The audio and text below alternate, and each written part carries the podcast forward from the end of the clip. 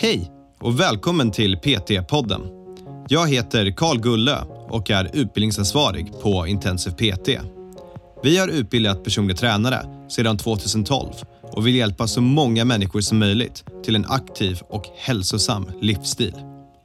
I varje avsnitt kommer vi att prata med olika människor om träning, hälsa och entreprenörskap. Varje samtal har ett unikt ämne och vårt mål är att inspirera dig till att vilja förstå mer om hur det är att arbeta som personlig tränare eller att hjälpa dig framåt i din karriär som PT. Praktiskt när man skär upp ett ansikte på någon, det tycker jag själv är läskigt. Att skära upp och ta ut ett hjärta på någon, det är läskigt emotionellt. Och vad man får ut av det, liksom man, jag tycker väl själv efter man har gjort det att man kan acceptera döden på andra sätt nu när man liksom ser vad som händer i samhället. Så man har en annan insikt och dels kan man ju ha något mer sorg ibland. Men samtidigt så ser man ju saker och ting för vad det är. För jag är verkligen en hyperrealist. Jag, jag vill gärna veta även om det är tungt att veta. Varmt välkomna till PT-podden allihopa! Idag har vi med oss vår kusliga expert Seth Rånland som kommer att berätta om hur det är att dissekera lik. Ja, du hörde rätt. Att skära i kroppar för att försöka förstå hur anatomin faktiskt fungerar på riktigt. Och jag tänker absolut varna känsliga lyssnare för det här är lite slibbigt, det är lite äckligt, men det är också otroligt häftigt. Så lyssna och jag hoppas du tycker det här är spännande för jag tyckte det var super, super intressant att få höra om. Nu kör vi! Ja, alltså varmt välkommen tillbaka igen Seth. Du, du lämnar ju inte podden nu. Supertack, ja, det är så vänligt att ni vill ha mig här. Ja, och jag tycker det är så skönt för att nu har vi någon annan än Andreas som är med hela tiden. Um, han får en diss även om han inte är med och kan försvara sig själv. Uh, men du, vi ska prata om ett uh, lite morbid, lite mörkt, i alla fall liksom som jag ser det, uh, ämne här som är sjukt intressant. och det är ju kadaver... Dis, fan, jag kan ju inte säga ordet. Dissektion. Varför kan jag inte säga det här ordet? Kadaverdissektion. Det kan du ju. Jag kan säga dissection, det kan Ja. jag säga hur enkelt som helst, men inte det svenska ordet. Ja, Okej, där får ni alla höra lite Karl inkompetens där. Men hur som helst, att gå och skära i lik. Va, vad är det här för något? Va, varför gör man det? Du, du har gjort det här, eller hur? Ja, jag har gjort eh, totalt eh, fyra dissektioner varav eh, tre av dem arrangerar eh, jag själv ihop då med han som är anatomisten. För jag är inte anatomist, det är inte min specialitet att skära i kadaver. Och det är eh, Todd Garcia heter han som har eh, då ett eh, labb som heter eh, Laboratories of Anatomical Enlightenment. Det ligger i Tempe, Tempe i Arizona. Eh, och det är där man gör dissektionen. De här kadaverna man dissekerar då köper man in från Salt Lake City som har ett doneringsprogram. Så alla kadaver kommer från Salt Lake City och då får familjen en, en summa då för att de väljer, eller personen i fråga väljer att donera sig till forskning. Och vad är det? Är det, liksom, det är väl alla typer av människor? Unga människor, gamla Eh, människor? Nej, det är bara äldre människor. Så de här människorna är ofta över 75 år gamla. Jag har inte, eh, vad jag vet, någon som varit yngre än 75. Så det är äldre människor. Så att vill man eh, liksom kolla på hur en stor bicepsmuskel ser ut och superstora gluteus så har man kommit fel. För de flesta människorna har ju inte det i den åldern. Åh, jag, jag har så många frågor så jag vet inte ens vart jag ska börja. Um, Okej, först och främst, hur, hur går det till när du väl är där? Får du liksom, här är en kniv, gå och skär upp den här kroppen och titta på vad du kan hitta liksom? Eller är det här mycket mer systematiskt än som jag beskriver det? Ja, det är oerhört systematiskt och strukturerat. Tord Garcia är ju en något speciell excentrisk människa som har gjort dissektioner i över 25 år. Så han är oerhört strukturerad och det är många regler när man gör den här dissektionen. ju. Så det börjar med att man kommer in, man får sätta sig i en bänk och han förklarar hur eh, tillvägagångssättet och arbetsförfarandet ska se ut. Mm. Eh, därefter sen kör han då in de här eh, kadaverna på bänkar eh, som är gjorda då av eh, stål kan man säga. Och de ligger där för- förtäckta med lakan kan man säga så man kan inte se kadaverna när man sitter där i början. Och sen egentligen börjar den första dagen med att man då tar bort lakanet och sen tittar man på sitt kadaver och ehm, innan man börjar med någon typ av dissektion så vill man göra lite funktionstester beroende på vad du, vilket yrke du kommer ifrån. Kanske någon gör utåt och inåt rotation i axelleden på någon som man håller, alltså kadavrets arm eller man kanske gör active straight leg raise. Man kanske tar lite knätester, höfttester, nacktester och sen skriver man egentligen upp det man finner. Om man exempelvis tycker att det finns en stor restriktion i högerrotation i nacken så skriver man det på en tavla. Och sen givetvis döper man sitt kadaver till ett namn för man får inte veta vad de heter ju, eller vad de hette. Eh, Och sen får man då också en liten journal som beskriver eh, dödsorsak och lite problem som de har haft. Ibland är det utförligt, ibland är det inte mycket alls. Så så börjar dagen och sen börjar man då eh, börja med att ta bort huden egentligen. Så, och, och det här gör man själv eller i en grupp då med en person eller tar liksom tre timmar här och tar bort all hud? Ja, på ett kadaver är man ofta fem, fyra, fem man. Alltså att ta bort huden i sig själv, det tar ungefär en dag. Alltså man får jobba på en sex, sju timmar nästan för att få bort huden på ett, på ett bra sätt. Och givetvis eh, när man gjorde det här första gången, jag har aldrig hållit en skalpell och skurit hud av en människa så det är givetvis eh, något man är väldigt ovan vid. Men eh, Todd visar hur man gör och konstigt nog är det mycket lättare än vad man tror. I varje fall att göra det, göra det behjälpligt. Mm. Okej, okay, så man tar en dag för att skära av huden sen då? Och sen därefter har man kommit in till första bindvävslagret och därefter sen kan man börja reflektera av bindvävslagret och titta på enskilda muskler så att säga. Och det är en ganska lång process, det är ju oerhört många muskler. Och sen vill man ju separera muskler från varandra och så, så det är, det är väldigt mycket finlir med skalpell och, och, sen har man en liten tång som man kan hålla uppe när man skär. Liksom. För man får ju vara försiktig. Det här är ju fresh tissue cadaver, vilket innebär att de är frysta. frysna. Mm. Alltså typiskt i Sverige och många andra europeiska länder får man ju inte använda den typen av kadaver utan här balsamerar man eller man använder ju formalin som man lägger dem i och så, så de blir gula. Mm. Här är det ju människor som man fryser in oftast 24 eh, timmar efter döden och sen tinar man ju upp dem. Och det innebär ju att deras vävnad och blod och allt är ju precis som det är när man är levande. Så det är alltså det närmaste man kan komma en levande människa att skära i. Wow. Och när man skär då i kroppen, när man börjar komma in, liksom tar man bort muskulatur och lägger det i en hink som man ser på kriminalserierna liksom? Eller vad, är, vad, är, vad gör man när man väl är där med själva kroppen? Ja, målet är ju liksom att gå, vad ska man säga, lager till lager-principen. Att man först tar bort huden, sen första bindvävslagret och sen börjar man reflektera fler lager av bindväv och få ut musklerna enskilda så man kan liksom ha kvar kanske fäste eller ursprung, vilket man känner för, så man kan lägga musklerna ovanpå varandra. Och sen skär man av musklerna och sen har man benen och sen börjar man skära sönder ben. Exempelvis skallbenet kan man ju såga upp och få ut hjärnan och sånt i slutet. Där. Mm. Eh, men man lägger allting i en hink, ja, för det är oerhört viktigt att alla delar som kommer från den här personen ska liggas i en hink och det kommer att vara en påse när den lämnar sen. För de här människorna ska ju kremeras sen och begravas precis som vanligt. Mm. Ja, jag, jag får liksom bara svårt att ens prata om det här, men jag vill verkligen göra det. Um... Ja, man, man tycker det låter skrämmande på något sätt och jag, jag har ändå sett ganska många eh, studenter på detta eh, och jag får säga det är väldigt få som har fått någon typ av breakdown. Mm. Det är precis som att jag tror att det sitter någonting i oss eh, naturligt att döden är någonting man kanske borde exponeras för. Mm. Jag tror, för det är ju inte bara liksom en anatomisk resa, för givetvis man åker dit för man är nörd på träning och mm. kroppen och sånt här. Men det är ju väldigt mycket en emotionell resa också, att, att mm. vara där och faktiskt exponeras för döden och se hur saker och ting ser ut efter man har lämnat. Okej, så först vill jag liksom gå vidare till varför gör vi det här och allt sånt. Men jag, jag måste bara fråga innan, får man mardrömmar på kvällen, liksom på natten när man ligger och sover och ska gå och göra nästa dag igen någonting? Jag, jag, tror inte att det är någonting någon har upplevt faktiskt, utan snarare så väcks det ju ett äh, intresse mm. och, och vilja att gå vidare, för man vill liksom se vad som visar sig mm. äh, härnäst. Och, så det, det, nej, rädsla tror jag inte. Okej, okay. så man behöver inte vara alldeles för rädd för det tror du? Nej, som sagt, jag tror det finns något inbyggt i det som gör att det här inte alls är så läskigt som det upplevs. Men det är väl klart, när man lyssnar på det så här så låter det som en oerhört läskig tid och mörk och, och tragisk. Och jag kan till viss del hålla med om att vissa sekvenser kan man känna att det är lite tragiskt och, och tufft, liksom rent emotionellt. Mm. Men samtidigt så tror jag det utvecklar oss som människor. För jag menar, döden är något som har tagits ifrån oss. Om vi tittar tillbaka i tiden, hundra år tillbaka i tiden, man fick ofta ta hand om sina egna anhöriga för mm. att göra dem beredda för begravning. Och den, den tiden är helt borta.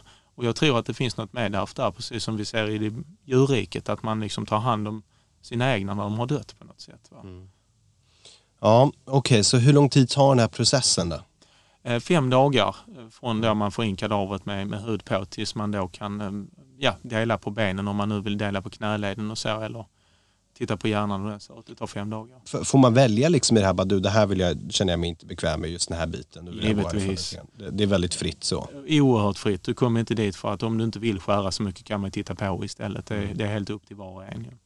Okej, okay, så då har vi gått igenom hur det går till. Då är frågan nu, vad, vad lär man sig av det här? Vad, är det här någonting du tycker personliga tränare bör lägga tid på att göra? Liksom, vad, vad har du känt att du har fått av att göra det här?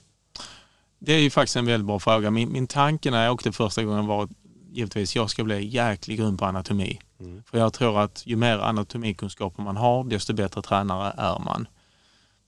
Det kanske inte riktigt stämmer med hur jag ser på bilden idag av det hela, utan jag tror att topografisk anatomi kanske hör till ortopedens yrke och inte tränarens yrke. Mm. Så jag menar, visst man har blivit mycket bättre på anatomi, men det kan ju inte säga att det gör mig bättre tränare direkt. Alltså jag ser inte riktigt det sambandet. Utan jag tror snarare att det, det som det ger oss som tränare är väl ödmjukheten, att det är inte så lätt. Jag menar under de här gångerna jag har varit där har man hittat ett antal anatomiska abnormaliteter som, som man inte trodde fanns. Exempelvis en kvinna med två psoas major på en sida. Ja.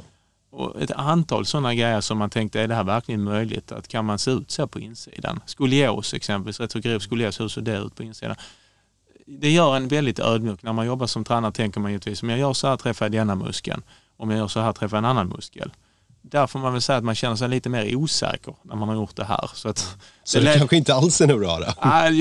jag vet inte. Alltså det, det leder varför inte till att man tror att man är kung precis. Det leder nog snarare till att ja, jag tror jag ska vara jäkligt ödmjuk när jag uttalar mig om folks anatomi. Mm. Och det, jag vet inte som sagt om det gör en bättre eller sämre men, men det beror väl på hur nördig man är. Jag tycker inte det är någonting alla PTs måste göra. Men har man ett, har man ett brinnande intresse för, för människan och kroppen, då är det alla dagar i veckan gör det. För det man hör ofta av folk som har gjort det här, det är att de säger att du kan slänga anatomiboken du har fått i skolan. Liksom, det, det bara slänger upp undan för att det är så mycket mer komplext och det fungerar inte riktigt på det sättet. Man kan just leda ut alla muskler. Liksom. Känner du likadant eller? Nej, kanske inte så hårt tycker jag kanske inte man behöver uttala sig. Däremot att det, vi har generell anatomi som finns i böckerna och den definitivt är viktig att lära sig. Men, men jag tror just det här med att kan man aktivera transversus ensam och sånt. Det blir så uppenbart när man är mm. där att den här muskeln då som är tunnare än ett kuvert liksom är helt vit. Alltså, hur mycket kan vi fokusera på spännande muskler när vi gör en övning? Alltså sådana här saker blir väldigt tydligt. Mm. Hur mycket saker gamla textböcker har skrivit att vi ska göra när vi förstår att det här känns omöjligt. Mm. Eh, så, så det, det, är som sagt ödmjukhet.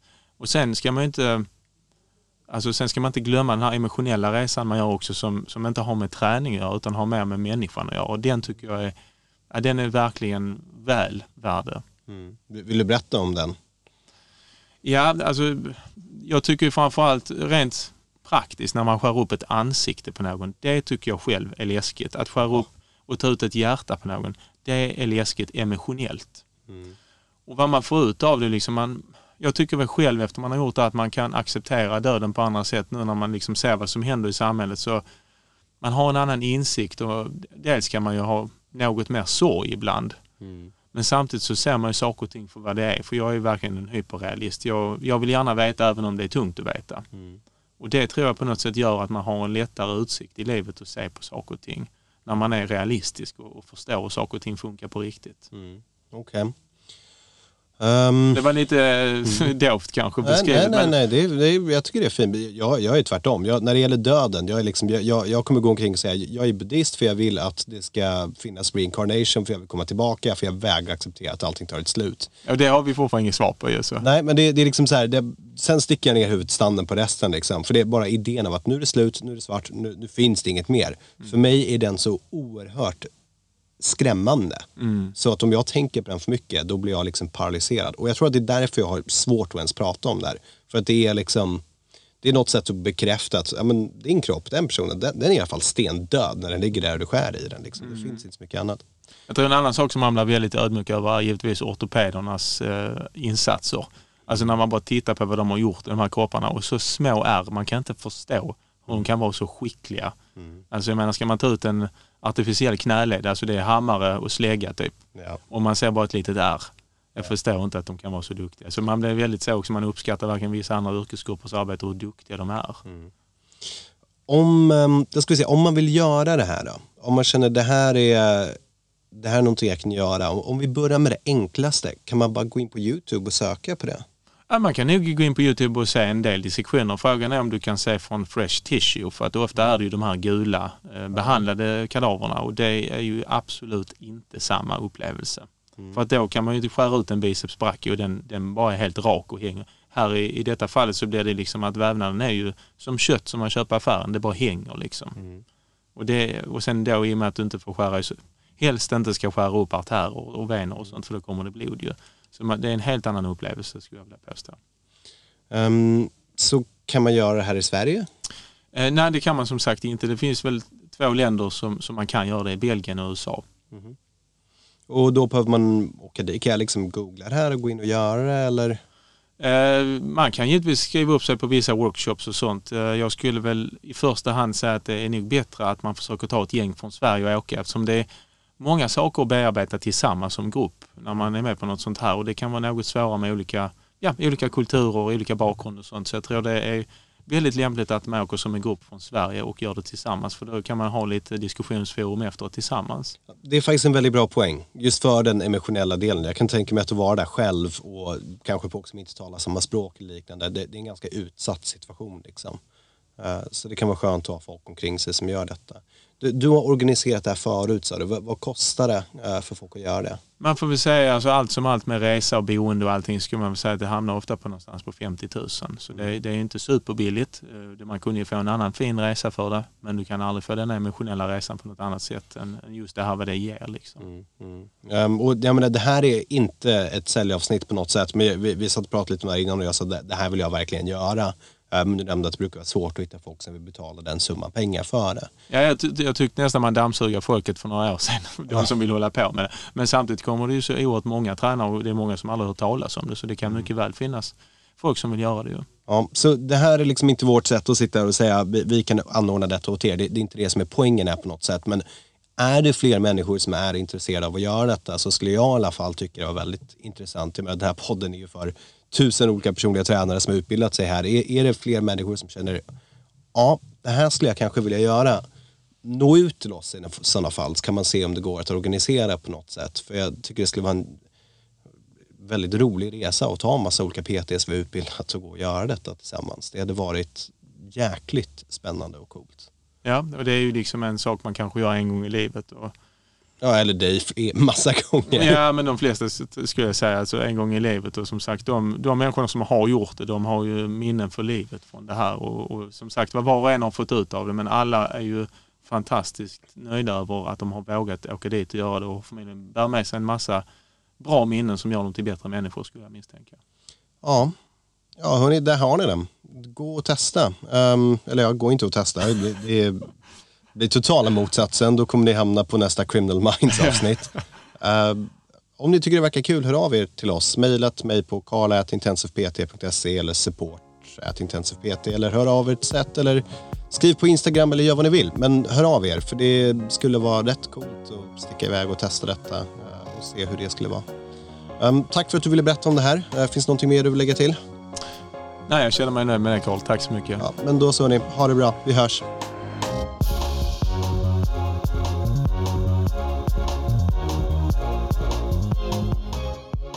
PT-podden är producerad av Intensiv PT. Om du vill veta mer om våra utbildningar och gå med i nätverket av framtidens personliga tränare, gå in på www.intensivpt.se. Vi har kursstarter varje månad och du kan studera helt i ditt egna tempo.